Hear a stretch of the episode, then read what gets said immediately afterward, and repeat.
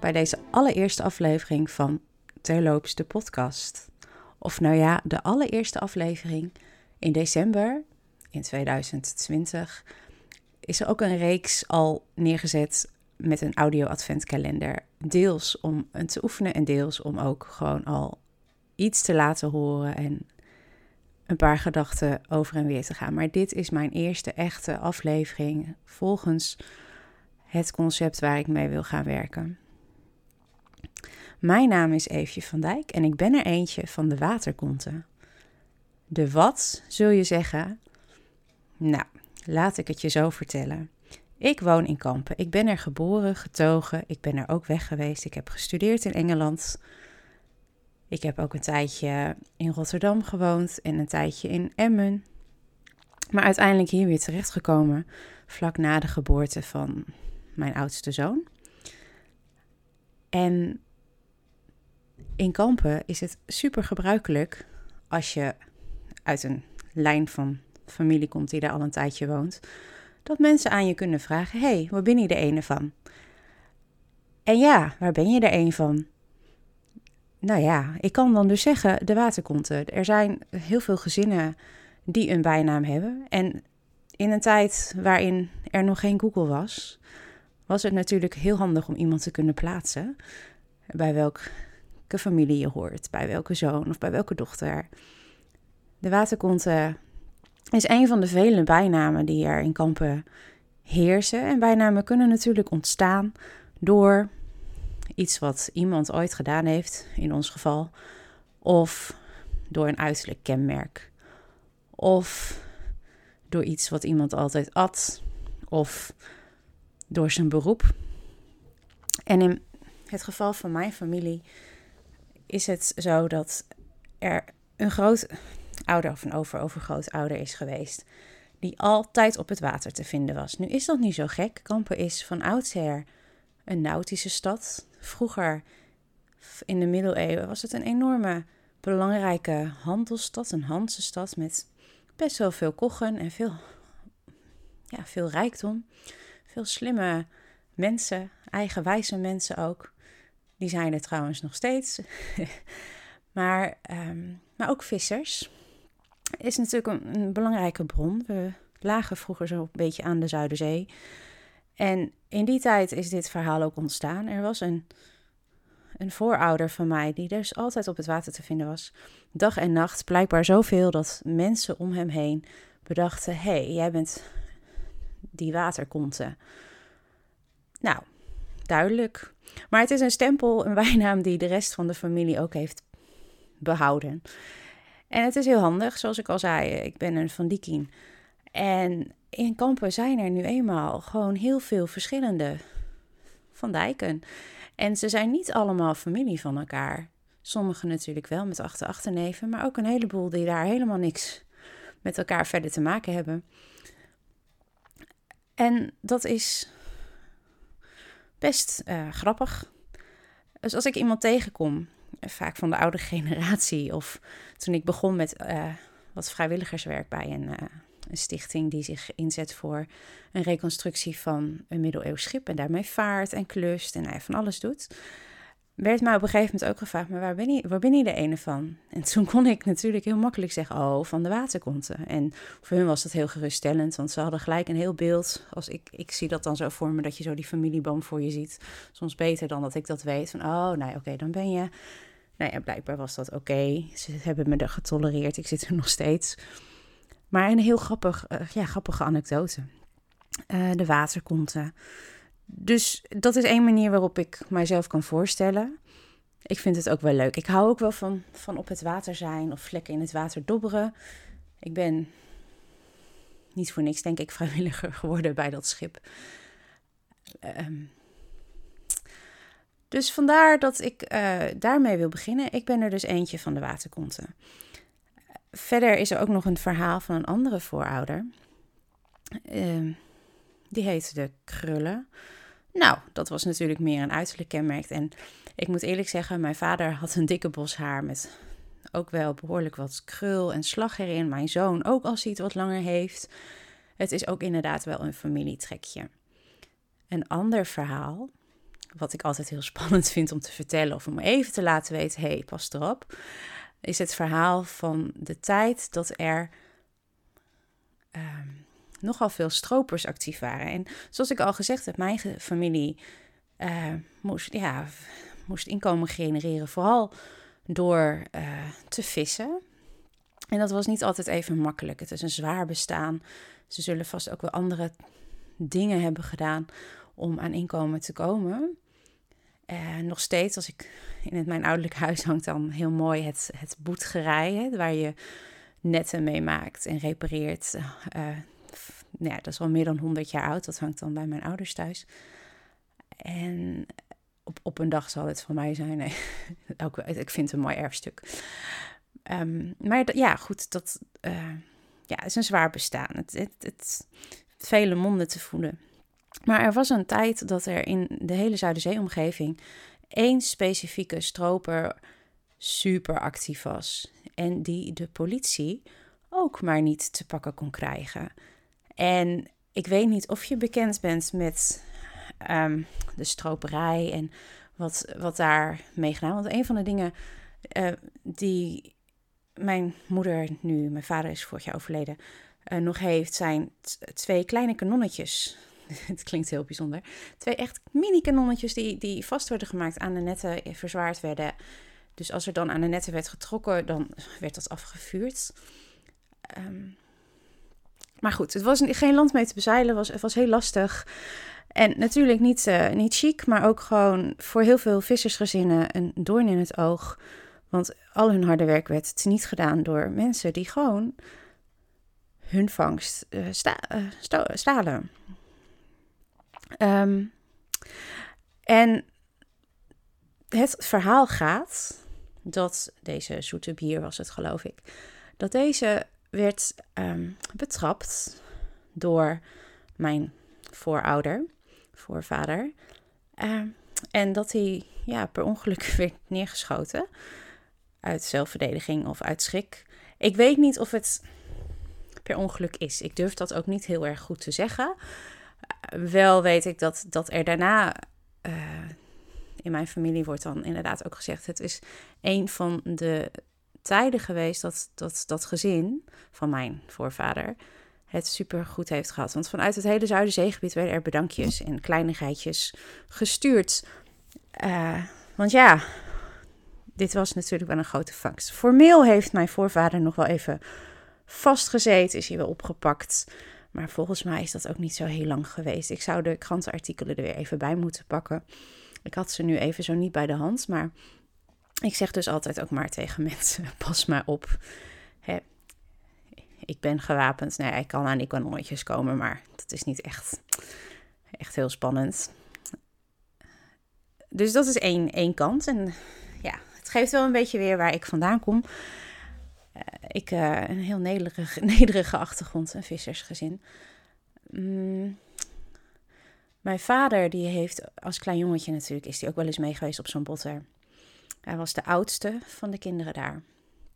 En is al vrij vroeg gaan werken om, nou ja, om te helpen het gezin te voeden en, en de rest ook gewoon op school te kunnen laten zijn. Mijn moeder is geboren in Nederlands-Indië, of eigenlijk was het eigenlijk misschien al Indonesië, maar is in 1956 naar Nederland verhuisd was een jaar of vier toen ze vanuit Bandung vertrokken. Weet daar eigenlijk weinig van. Heeft er ook niet zoveel mee. Houdt niet van pittig eten. Heel vervelend, want mijn vader, die echte kampenaar, die was daar dol op. En ik hou ook wel van een beetje pit in mijn eten. Dus dat, ja, dat was grappig. Ze kan ook niet ruiken, dus dat helpt natuurlijk ook niet als je het eten klaarmaakt. Dat ging ook nog wel eens mis. Vonden wij helemaal niet erg. Maar die weet niet zo heel veel meer, ook niet van die reis natuurlijk. Ze was nog jong en ze heeft er ook weinig mee. Ik heb daar meer mee. Ik heb best wel veel tijd met mijn uh, opa en oma, mijn nenne en mijn kaka doorgebracht. En ik was wat meer geïnteresseerd in die achtergrond. En hoewel ik van al mijn neefjes en nichtjes aan die kant uh, ja, je kunt mij op, op foto's er altijd uithalen. Ik ben het uh, superblonde koppie en het met het bleke huidje. Um, maar ik, ik voel mij ook wel deels een beetje Indo. Dus ik heb een hele leuke mix van, van, van, uh, van achtergronden. Daar ben ik ook wel trots op. Ik hou daar wel van. Ik ben opgegroeid voor de mensen die uit de regio komen, uit kampen komen. Ik ben geboren in de Hansewijk, toen er nog hoog ja, flats stonden. En was superleuk. Veel uh, verschillende culturele achtergronden. Hè, mensen met een ja, Turkse achtergrond of nou ja, echt van alles. En uh, ik, ik heb daar altijd heel erg van genoten. Uh, niet alleen om het eten, maar gewoon, het is gewoon leuk. En ik denk dat ik dat altijd wel een beetje heb houden. Ik ben altijd heel nieuwsgierig geweest. Ik vind het geweldig om, om talen te leren, om, om bezig te zijn met van hey, wat doe jij? Waarom doe je dat? Ik, ik, ik kan daar heel erg van genieten. Is denk ik ook een van de redenen dat mijn tijd in Engeland ook zo, zo, zo vruchtbaar is geweest. Ik heb nu vrienden over de hele wereld. Er was een, een campus met ongeveer 60 verschillende nationaliteiten, verschillende studierichtingen wel. Maar nu heb ik dus een peetdochter op de Cayman-eilanden. En ik denk af en toe, oh, had ik het geld maar, had ik het budget maar, dan kon ik een hele leuke wereldreis maken. En ik, ik geniet er ook van als ik op vakantie, nee, vakantie, dat gebeurt niet zo vaak. Ehm, maar als ik dan ergens ben om gewoon mee te doen, gezellig mee naar de supermarkt te gaan, de lokale dingen ook een beetje te proeven, naast alle toeristische highlights. Dus daar ben ik er eentje van. En dan deze podcast. Ik heb hem terloops genoemd, omdat ik zelf heel veel baat heb gehad bij ommetjes maken bij wandelen. Omdat ik ook niet altijd even niche wil gaan met mijn onderwerpen. Dus hè, tussen, terloops tussen neus en lippen door. Maar vanuit mijn, mijn opleiding ook wel. En vanuit ja, mijn ervaring weet ik hoe belangrijk het kan zijn om die rust durven te pakken, regelmaat. Uh, dus ik heb hem ook rust, rebellie en regelmaat genoemd. Rebellie, nou ja, we doen allemaal, als het goed is, wel eens dingen die een beetje tegendraad zijn. Maar ik denk tegenwoordig is het ook best wel dapper om juist voor jezelf te kiezen. En dat klinkt dan heel egoïstisch, maar wat ik bedoel is om juist te kiezen voor wat bij jou past. Van hoe jij functioneert met, met alle beperkingen die je hebt, met alle uitdagingen die op je pad zijn. Of hoe jij in elkaar zit überhaupt. Uh, met je energie. We passen gewoon niet allemaal in hetzelfde keurslijf. En het afgelopen jaar, en ik ga het toch noemen, heeft dat natuurlijk ook wel impact gehad dingen zijn gewoon niet meer zoals ze konden zijn. Maar dan is het wel dapper als jij weet wat bij jou past of als jij weet wat jouw grenzen zijn. En als je weet van ja, het is allemaal goed en wel. En misschien moet jij wel thuiswerken, omdat je de luxe hebt dat je een baan hebt, überhaupt. Maar dat je een baan hebt waarbij dat kan. Uh, ik doe nu vooral schoonmaakwerk. En bij een uh, dagbestedingslocatie. Dus ik heb, ik heb dan de luxe dat ik er gewoon echt nog wel even uit moet. Dat vind ik ook heel fijn. um, maar dat het ook niet, dat je van jezelf niet kan verwachten en een ander ook niet dat je 100% kwalitatief werkt. Want dat doe je overdag natuurlijk ook niet. Hè? Op, op een, als je echt op een kantoor zou werken. Waar ik goed in ben en waar mijn krachten liggen, is denk ik de rust een beetje brengen. Of de, ik, ik hoor vaak, je straalt zoveel rust uit. Ik ben ook heel goed in rustig bij iemand zitten, bij ZZP'ers, bevriende ZZP'ers. En dan gewoon met ze gaan zitten van, joh, hey, waar struikel jij nu over? Oké, is het nu die factuur? Je ziet er tegenop, want het zijn cijfertjes. Nou, ga het maar gewoon doen. En zullen we samen zoeken naar iets, uh, hè, een moment dat je het kan doen. Of dat een manier waarop het makkelijker wordt. En nou, uiteindelijk wil ik daar wel wat meer mee gaan doen. En daar zal ik vast nog wel meer over gaan vertellen. Maar ik vind het wel belangrijk om, om ook die stem te laten horen. En ik zal jullie nog ietsje meer van mijn achtergrond vertellen. Ik ben één, of nee, mijn gezin is één van de nou ja, gedupeerden van de toeslagenaffaire. En ik durf dat nu zo te zeggen, omdat ik word er wel emotioneel van. Maar ik durf het wel zo te zeggen, omdat ik nu het, in één woord kan samenvatten. Sinds vorig jaar is daar ook meer over bekend. En, het maakt dat, dat er gewoon veel, um, uh, veel, nou ja, veel pittige dingen op je pad komen. Je kan niet altijd meer kiezen wat je zelf zou willen doen of hoe je zelf uh, het liefst uh, voor je gezin wil zorgen. Je, als, je, als je dan een kleine tegenslag erbij hebt, een van jullie beiden wordt ontslagen of hè, het, het werk houdt op. Dat is oké, weet je, dat is normaal, kan dat ook al pittig zijn. Er komt een diagnose ASS bij een kind, bij een partner. Is oké op zichzelf, is niet leuk, uh, is bij, is omschakelen en meer van dat soort dingen. Uh, als dat veel op je pad komt uh, en je hebt niet de tijd om daarvan te herstellen, om daar goed op in te schakelen. Je hebt niet heel veel reserves, gewoon ook mentaal en energiek niet en fysiek niet. Uh, iemand wordt, uh, heeft een burn-out en depressie. Uh, in mijn geval, mijn partner destijds. het maakt het niet simpeler. En, maar het is wel lastig om dat toe te geven. En hoewel ik best positief van natuur ben en ook heel goed ben in dingen verzinnen die niet veel geld kosten, de kranten goed uitpluizen, creatief zijn met hoe ik omga met, met het beetje dat ik heb. En dankbaar zijn voor alle initiatieven die er zijn en die er ook op een gegeven moment zijn gekomen.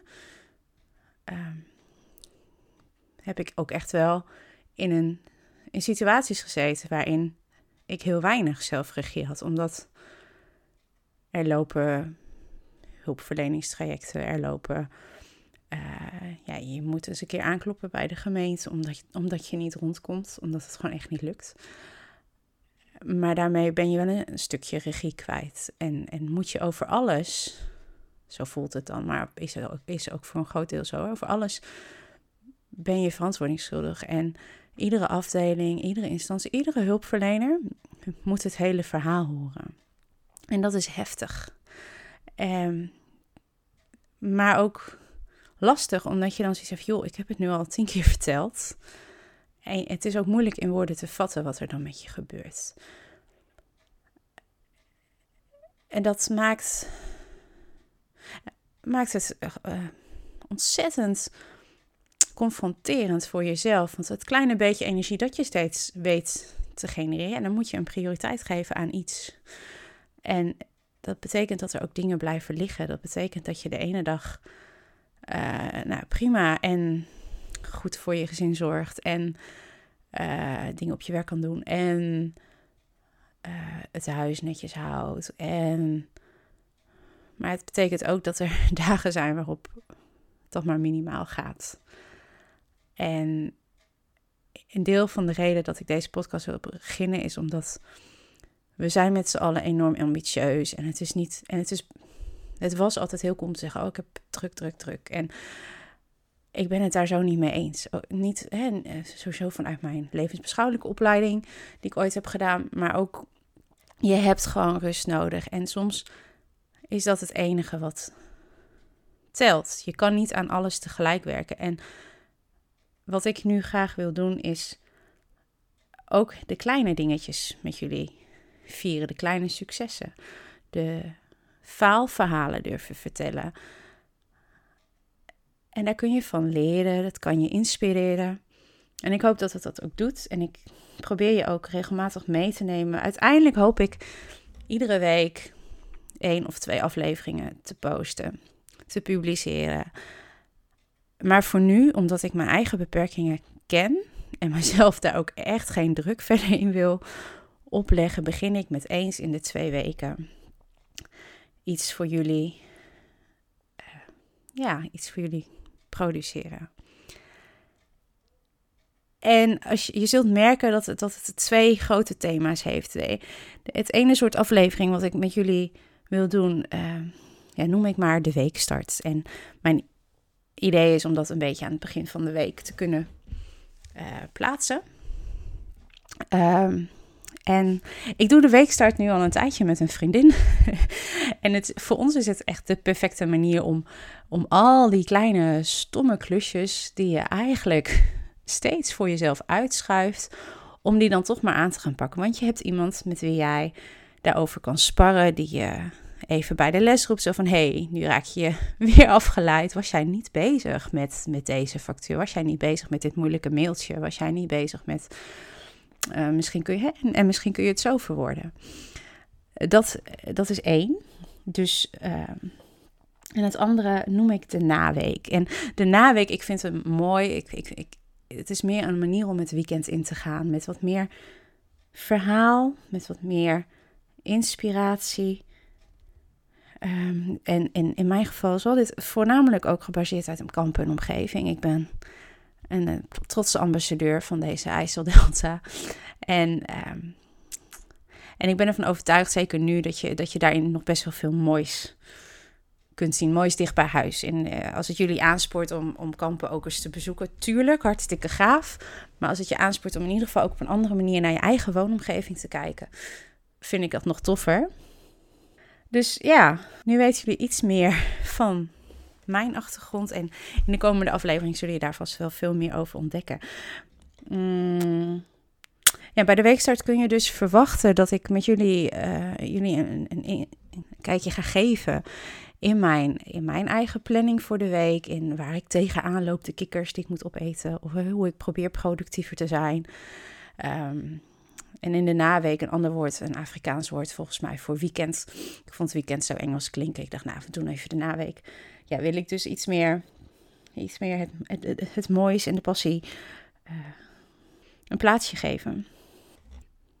Ja, nou, ik ben heel erg benieuwd wat ons dit gaat brengen. Ik, ik, geef nu al eerlijk toe, ik kan heel veel plannen maken. Ik ben op zich van nature vrij gestructureerd. Dus voor mij is het ook heel frustrerend dat ik de laatste jaren heel erg tegen mezelf en tegen andere dingen ben op gaan lopen. Uh, op, uh, maar, uh, maar goed, dat, dat hoort erbij. En het is in die kwetsbaarheid dat ik dit ook met jullie wil delen. En ik hoop dat je daardoor misschien ook wat minder streng voor jezelf gaat zijn. Er zijn genoeg mensen, denk ik, om je heen die zeggen van kom op, zet door. Kom, kun je, hè? stel je niet zo aan. Maar ik wil, ik wil graag degene voor jou zijn om te zeggen van... hé, hey, maar wat heb je nou wel bereikt? En welk klein dingetje uh, ja, was voor jou eigenlijk wel een applausje waard... Maar waarvan je denkt, oeh, als ik dit nu hardop ga zeggen op het schoolplein bij wijze van, kijken ze me aan alsof ze water zien branden. Het kan, kan ik, ik zeg het wel eens vaker. Soms is het iets simpels als, hey, ik, heb, ik ben opgestaan eh, toen de wekker ging en het is me gelukt me aan te kleden. En ik heb even de tijd voor mezelf genomen om de dag überhaupt te plannen. En soms zijn het grotere dingen. Heb je gewoon iets, iets gedaan, iets opgeruimd, een, een klus op je genomen. Ben je begonnen met een, een leuke werkuitdaging. Uh, dat kan ook. Ja, klein geluk dus. Focus, gezonde gewoonte. Dat enerzijds en anderzijds, ja, je verwonderen. En over, nou ja, over hoe mooi het is om ook je rust te pakken en te genieten van die rust. Want dat is iets wat misschien ook lastig is en wat misschien ook wel een beetje eng is, want dan kom je jezelf tegen.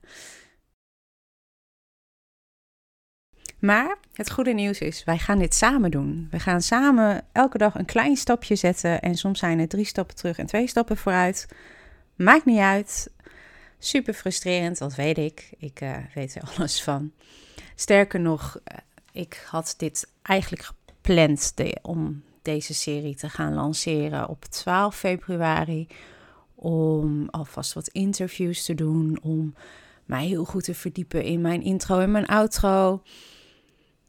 En wat dat betreft ben ik misschien ook een tikkeltje perfectionistisch. Maar ik liep vast. Vast mentaal. Ik was best wel heel erg moe. Ik heb heel erg geworsteld. Ik voelde me down. Niet per se hierom. En toen dacht ik, ja, hallo, wacht even. Ik wil de boodschap verkondigen dat het oké is zoals je bent. Dat kleine dingen ook fantastisch zijn. En dat er mooie verhalen in de buurt zijn waar je geïnspireerd op mag raken. Maar dat er ook faal- en baalverhalen zijn die je ook mag horen. We gaan niet alleen maar doen alsof we Instagram happy zijn. Dus hier zit ik.